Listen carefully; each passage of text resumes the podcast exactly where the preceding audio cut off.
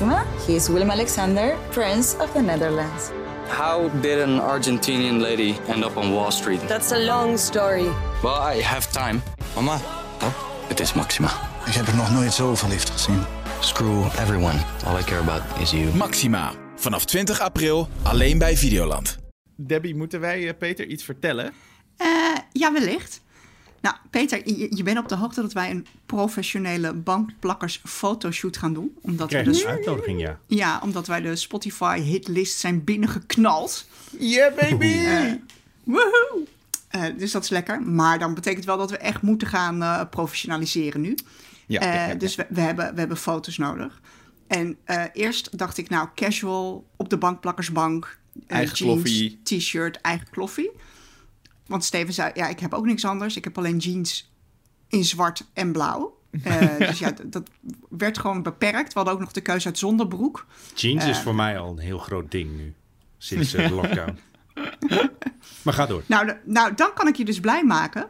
Want waarschijnlijk gaan we voor trainingspakken van grote designers. Yes! Dus dan mag jij kiezen Balenciaga of eh, Versace of eh, Dolce Gabbana. Oh mijn hemel. Je had me bij trainingsbroeken. Ja, hè? Love it. Ik ben hyped. Laten we het doen. als we ook bankplakkers live gaan doen, dan, eh, dan, dan hebben we ook meteen... Dan staat het gewoon al ook. Dan hebben we al een performance. Dan weet ik wat ik aandoe. Die moeten we dan weer huren, want ik kan dit wel allemaal Nee, niet nee, betalen. nee.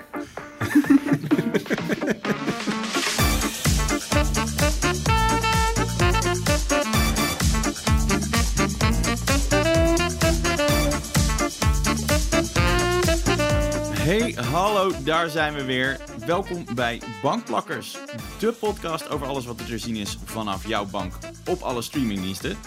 Mijn naam is Steven Kok en mijn favoriete 1 ster film is The Room. Because I did not hit her, I did not.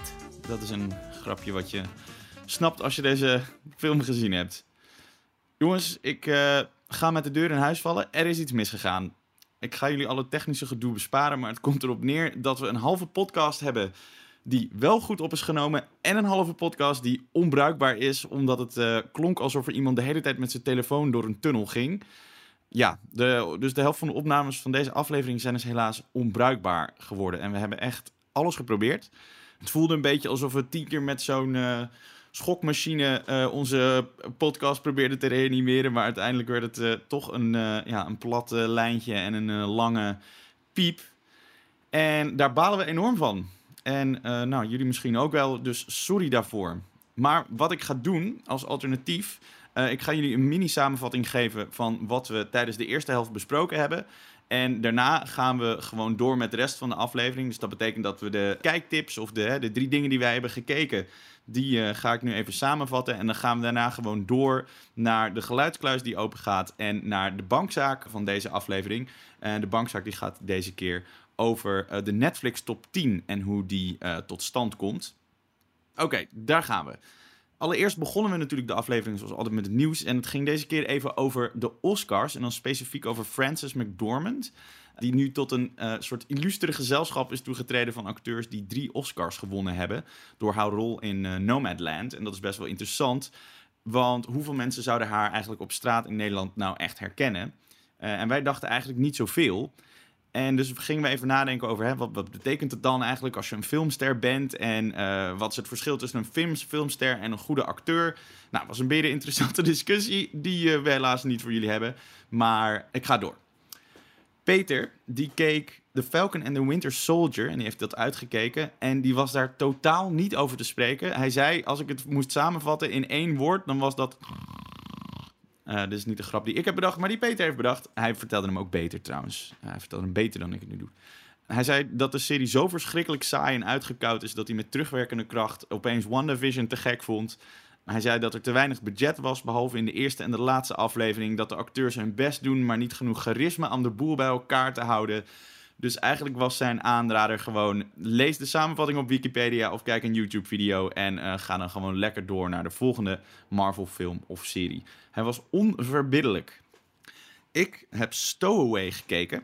Een nieuwe Netflix science fiction film over een man die per ongeluk meevliegt naar Mars op een ruimtemissie. Ik had het er al eh, een paar keer over gehad in de vorige afleveringen. En eh, dan blijkt dat er niet genoeg middelen zijn voor vier opvarenden, maar, maar voor drie. Dus komen ze voor de vraag te staan, hè, wat moeten ze doen? En de recensies ervan die zijn eh, niet zo goed, maar ik ben het er eigenlijk niet mee eens. Ik ben sowieso een science fiction fan, eh, dus misschien bevooroordeeld, maar ik vond hem heerlijk voor de zondagochtend. Het is geen enorme actieknaller of een film waar de hele tijd bloedstollende scènes in zitten. Maar het is heel mooi gedraaid en het is, ik vind het echt best wel spannend ook. Eh, maar hij is ook gewoon een beetje rustig en een beetje zachtaardig. En het leunt op de goede acteerprestaties van, eh, van de cast. En daar kan het eigenlijk wel best goed op leunen. Want onder andere Anna Kendrick in de hoofdrol. En de acteurs die doen het gewoon erg goed. Dus eh kopje thee erbij en eh, gewoon lekker door de ruimte zweven. Eh, gewoon een sterke aanrader voor mij. Debbie die keek Shadow and Bone, de nieuwe fantasy-serie die dan nu echt de nieuwe Game of Thrones killer zou moeten worden. En het is een verfilming van The Grishaverse, een populaire young adult fantasy-reeks van Lee Bardugo. En het verhaal draait om een, een wees, Alina, die erachter komt dat zij de Sun Summoner is. Eh, iemand die eh, eigenlijk alleen nog in mythische verhalen bestond. En zij is de enige die een veilige weg kan bieden door The Fold. Een eh, zwarte mistzee waar allemaal monsters in zitten en die, die de wereld in tweeën splijt. En ze is dus eigenlijk de sleutel tot de vrede. Maar niet iedereen is natuurlijk geïnteresseerd in vrede. En dus wordt zij een doelwit. Maar Debbie was er niet echt over te spreken. Ze zei, de, de cast is gigantisch en de topografie van de wereld is ook super complex. Dus ze miste een stukje duiding. Eh, ze wist eigenlijk de hele tijd niet waar ze dan waren op de kaart. Waarom dingen in het universum werkten zoals ze werkten. Personages werden ook niet echt lekker opgebouwd. En het was een beetje springen van one-liner naar one-liner. En ze zei dat het hoofdpersonage Alina ook wat vlak bleef. Ze zei dat ze in het genre eigenlijk zowel The Witcher als de Winx Saga beter of in ieder geval onderhoudender vond dan Shadow and Bone. Dus eh, ja, ook geen, eh, niet warm aanbevolen door Debbie. En ze vertelde dit natuurlijk met het nodige hè, cynisme en eh, met de nodige ironie. Zoals we van Debbie kennen, maar die kan ik niet overbrengen. Dus dat ga ik ook, eh, ga ik ook niet proberen. Dat was hem in Vogelvlucht. Nou, nogmaals, eh, dus onze hartelijke, ex- zeg je dat? Hartelijke excuses? Nogmaals, onze hartelijke excuses. Volgende week zijn we er gewoon weer met een, een volle aflevering. En dan met een eh, special over animatiefilms. Dus daar heb ik erg veel zin in. Eh, maar dat wordt ook wel echt weer een bloedbad. Dus hopelijk zijn jullie dan gewoon weer. Geniet van de rest van de aflevering. Eh, editor, zet hem, eh, zet hem maar in. Doei! Peter, ik heb zin in de geluidskluis. Yes, iedereen's favoriete segment. Toch, Debbie? Ja, ik heb via Steven van onze editor te horen gekregen dat ik eh, enthousiaster moet zijn over de geluidskluis. Dat je niet zo'n zeur Ja. moet zijn. Dat ik niet zo'n zeurpiep moet zijn. Vind dat, vind dat lastig. Maar ik ga er nu vol in. Dus kom maar door, Peter, met de geluidskluis. Er super veel zin in. En dit, vol. dit is precies wat hij bedoelde. Kom, Debbie, help hem maar mee om de deur te openen. Ja, Daar gaat hij. Ja, de, de deur klinkt zelfs wat vrolijker vandaag. ja, zie je? Oké, ik laat jullie zoals altijd weer een iconisch geluid horen uit een film of een serie. En daarna mogen jullie raden waar hij precies vandaan komt. Oké, let's Daar go. komt-ie.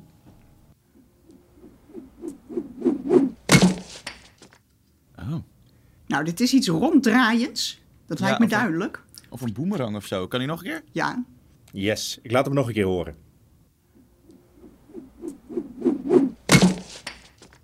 En uiteindelijk gaat er iets stuk. ja. ja, een pot of een vaas. Ja, het zou, het zou kunnen. Het is sowieso iets dat zich door de lucht verplaatst, lijkt het wel. Ja, Ja, ja dat Ja, is ze- eh, zeker waar. het swoesje verraadt het een en ander. Ik heb dan ook vier keuzes die iets in die richting zitten. Dus eh, jullie hebben sowieso goede oren, dat kan ik al vertellen. Ja. Dit zijn de keuzes. Het is of keuze A, een vliegende baksteen in Home Alone 2. of keuze B, de winnende strike in Kingpin. Maar het zou natuurlijk ook keuze C kunnen zijn. Thor's rondslingerende hamer in de allereerste Thor-film. Wel een lullig plofje dan voor als het de hamer Ja. van Thor is. Ja, hij was natuurlijk nog niet zo sterk als dat hij in de latere films is. ja, dat is ook zo. Tot slot heb ik nog keuze D. Een gremlin die in de eerste film via de ventilator een neonbord in wordt geslingerd. Nou, Wauw, ik heb echt geen idee. Nou, ik denk C of D. Want A, het, het, het geluid draait rond. Het heeft een Ja. uitsteeksel. Of heeft inderdaad een soort boomerang of gremlin-achtige vorm. Een, bowling, een, Een gremlin-vormig object. een gremlin-vormig object. Ja. Ja, oké. Ik denk ook niet dat het de bowlingbal is. Wat was B ook alweer? B, de winnende strike in Kingpin. Oh, nee, wat was A dan? Sorry. Keuze A was eh, een vliegende baksteen in Home Alone 2. Ja, maar Peter en Baksteen klinkt toch heel anders? Dat weten we toch Ik allemaal? ga, ik ga voor de baksteen. Hoe, ik heb niet zoveel bakstenen geloof, eh, gegooid in mijn leven. Ik, wil, ik ga voor de gremlin of toch de hamer. Prima, ik heb zo'n hamer hier in huis. Die heb je ook wel eens En die gegooid. kan zeker... Die gooi ik Ik wil regelmatig. dat geluid wel even ter vergelijking eigenlijk. Maar dat, doen we, dat komt wel. Maar dan, inderdaad, wat Steven zegt, dat plofje aan het eind is wel erg eh koddig. Ja. Dus dan ga ik toch voor de gremlin. Ja, kut. Misschien heb je wel gelijk. Maar ik, ik, blijf, bij mijn, ik blijf bij mijn instinct. Het is de baksteen. Dus Debbie heeft keuze D. Een gremlin die eh, door de, via de ventilator tegen een neonbord aankomt. En. Steven heeft welke? De, de baksteen. En Home Alone. Keuze A dus. Ja. Alright. Debbie, jij hebt keuze D. Maar Steven Ja, heeft gelijk, Peter. het is keuze A. Hoe? Ik Hoe had echt niet gedacht dit? dat ik, ik... Ik dacht echt dat ik ernaast zat. Maar dit geluidseffect klopt gewoon niet. ik, wil protest, ik wil protest aantekenen. Een, een baksteen maakt niet zo'n geluid. Ik zal, Dan gaat, ik zal- dat is niet of- woesh, woesh, woesh, Ik ga nu woesh. even ik ga opzoeken wie de sounddesigner is van, eh, van eh, Home Alone. Ja, Ja, nodig hem uit. Ik maak hem helemaal af. Ja. Home Alone past ook wel tekenfilmlogica toe. Dus er zitten, er zitten heel veel tekenfilmgeluiden in. Wiley Stateman heet hij. Is, dat- is dat toevallig een co- coyote? Ja. Nee. Wiley Stateman. Ja. Nou, de, de plof die je op het laatste hoorde, die best wel schattig klonk, dat was eh, de baksteen die op de eh, bandiet Marv zijn hoofd viel. Eh, hij krijgt er geloof ik in totaal drie op zijn hoofd. En de laatste, dan is hij ook eh, nou, bijna dood. Maar eh, Joe Pesci die weet ze constant te ontwijken, terwijl eh, eh, Kevin, of Macaulay Culkin, die gooit dus de bakstenen van een, eh, van een flatgebouw naar beneden, of van een huis. En Entertainment Weekly heeft ook echt onderzocht samen met een arts van wat doen al die verwondingen nou in het echte leven die uit Home Alone komen. En bij de baksteen concludeerde de arts dat de bandiet gegarandeerd hersenschade had opgelopen en hoogstwaarschijnlijk ter plekke dood was gegaan. Wat goed dit. maar gelukkig is Home Alone een vrolijke familiefilm waarin je altijd genoeg hebt aan een pleister en wat verband. Weet je wat me altijd heeft gestoord aan Home Alone? Uh, hij gooit allemaal van die kerstballen en, en, en speeltjes bij het raam. En dan stapt een van, die, eh, een van die boeven die stapt naar binnen en die gaat er dan met zijn voeten op staan en dan au, au, au. Maar hoe had hij kunnen weten dat ze dan hun schoenen niet meer aan hebben? Hmm. Boeja! Plot hole. Nou ja, goed. Jeetje, Steven. Ja, Goed, hè? nu is de hele film verpest, hè? Ja, je, zie- je, dus ik zie je toch weer dat ik een podcast over films en series maak. Dat ik dit soort dingen, hè, dat ik dat Nou. Steven, mijn hartelijke felicitaties. Vol enthousiasme. De, Ik vind het echt, vind het echt super knap. Van echt- jou. Ik vind dit echt heel erg leuk. ja, ik heb hem Deze- expres heel moeilijk gemaakt ook, deze. Deze, deze nieuw gevonden Debbie vind ik erg leuk. Inmiddels is de tussenstand eh, nu 9-4 voor Steven. Wajo. Dat betekent dat je volgende week zomaar eens de winnaar zou kunnen zijn. Ja, en dan ga, ik, dan ga ik toch een special afkondigen. Daar gaan jullie nekharen van overeind staan. De Home Alone special. De. We moeten allemaal tien keer Home Alone kijken. Leuk. Leuk. Oh, nu al zin in. Bedankt eh, Peter, dit was, eh, was weer een goeie. Graag gedaan. Bedankt. Leuk. Leuk. Dan de bankzaak van de week. Namelijk de Netflix top 10. Ja, we hebben het hier best wel vaak over hè, in de podcast. En we baseren ook best wel eens eh, onze, de dingen die we kijken erop. Omdat eh, nou, we dan lekker aansluiten bij de mensen. Maar de, er is mij in ieder geval altijd wel een vraag geweest hoe die top 10 eigenlijk in elkaar zit. Want soms heb ik namelijk het idee dat er titels in worden gefietst die eigenlijk helemaal niet populair zijn, maar die er gewoon ingezet worden omdat Netflix ze graag onder de aandacht wil brengen. Want zo werkt het ook wel een beetje. Voordat we beginnen aan, eh, aan, aan, aan wat, er- wat we bij Netflix hebben kunnen lospeuteren. Wat is jullie gevoel erbij? Wat zegt jullie instinct? Mijn instinct zegt wel dat hij enigszins gemanipuleerd is. Omdat jij, als jij een dure original hebt gemaakt, wil je natuurlijk dat hij bekeken wordt. Ja. Dus waarom zou je dan niet gebruik maken van deze eh, handige top 10? Nee. En maar ik begreep dat die van mij niet hetzelfde hoeft te zijn als jullie. Dus als jij, Steven, heel veel romcoms kijkt, dat daar eerder een romcom in zal verschijnen dan bijvoorbeeld bij mij. Zullen we, zullen we even checken hoe Ja. onze top 10's eh, met, elkaar, eh, met elkaar matchen? Peter, wat heb jij op nummer 8? Eens even zien hoor. Ik vind het wel interessant trouwens, want Netflix heeft hier namelijk, zegt hier zelf namelijk niks over. Dus Nee. Ik heb hier mijn top 10. Eh, ik heb op nummer 8 Minions staan. Wat wel on brand is. Ik ja, ook. heb ik ook. Maar op 3 heb ik iets bijzonders, Nou. vind ik zelf. Nou, Ik heb Misfit 3, Ja. de finale. ik ook. Ik ook. Volgens mij is hij hetzelfde. Eh, ik heb Shadow and Dan Bone. is hij toch hetzelfde? Shadow and Bone, The Serpent, Misfit 3, Sniper, Godzilla, New Amsterdam, Stowaway. Nou goed. Ja, Ja. dus, dus hij is dan wel hetzelfde. dan is hij wel hetzelfde. Eh, ik heb dus even contact opgenomen met Netflix erover. Hmm. Eh, maar die eh, zijn er niet heel loslippig over, over hoe dit in elkaar zit. Sterker nog, ik kon, ze wilden geen officieel antwoord geven. Dus niks, niks wat we konden publiceren of waar we het hier over konden hebben. Dus het enige wat ik doorgestuurd kreeg was een link naar een perspagina van februari vorig jaar... waarin ze de functionaliteit aankondigden en hoe het ongeveer werkt.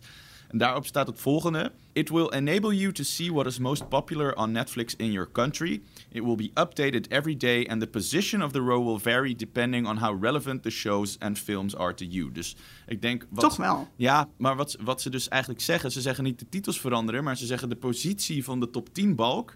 wordt hoger op het moment dat de Ah. films en series die erin staan... voor jou relevanter zijn. Dus dan komt die meer naar ja, voren. ja, ja. Wat ik op zich best wel slim Oh. vind.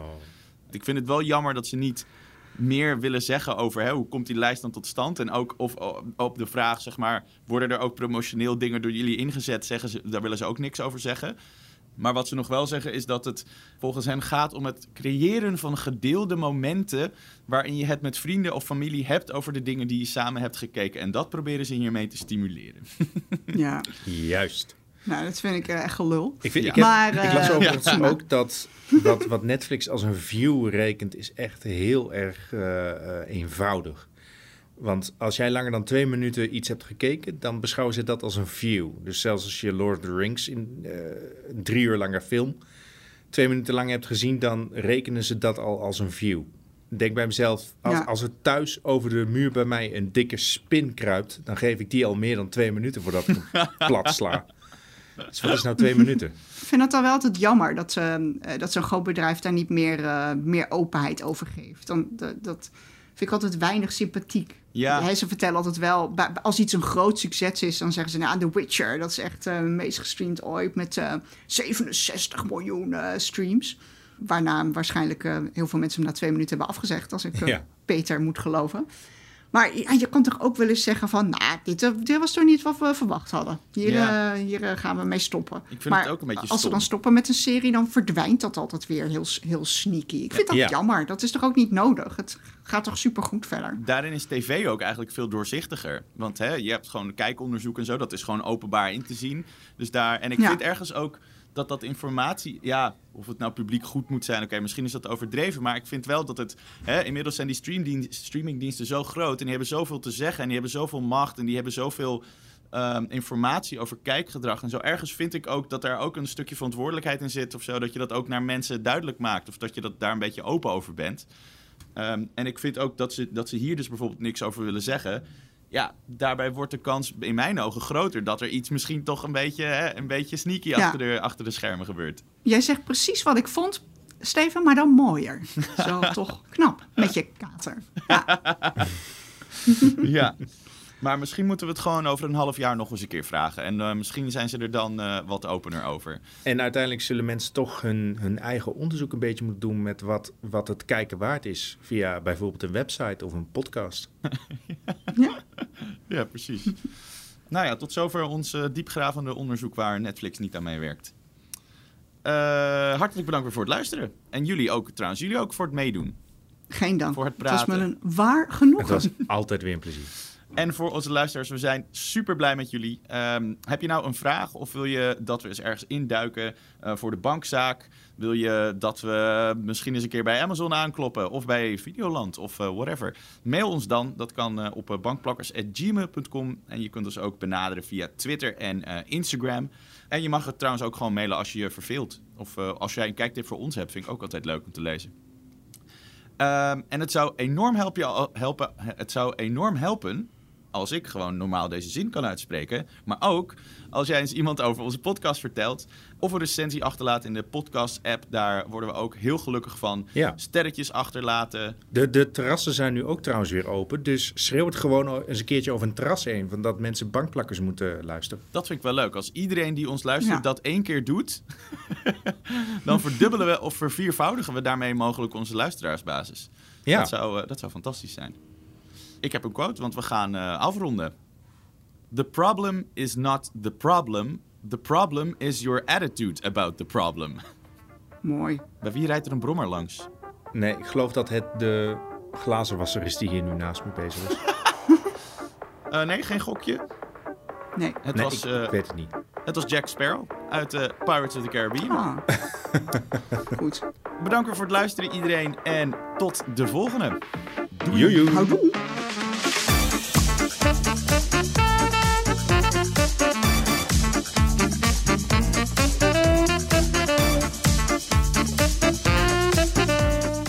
Bankplakkers is een originele podcast van Veronica Superguide.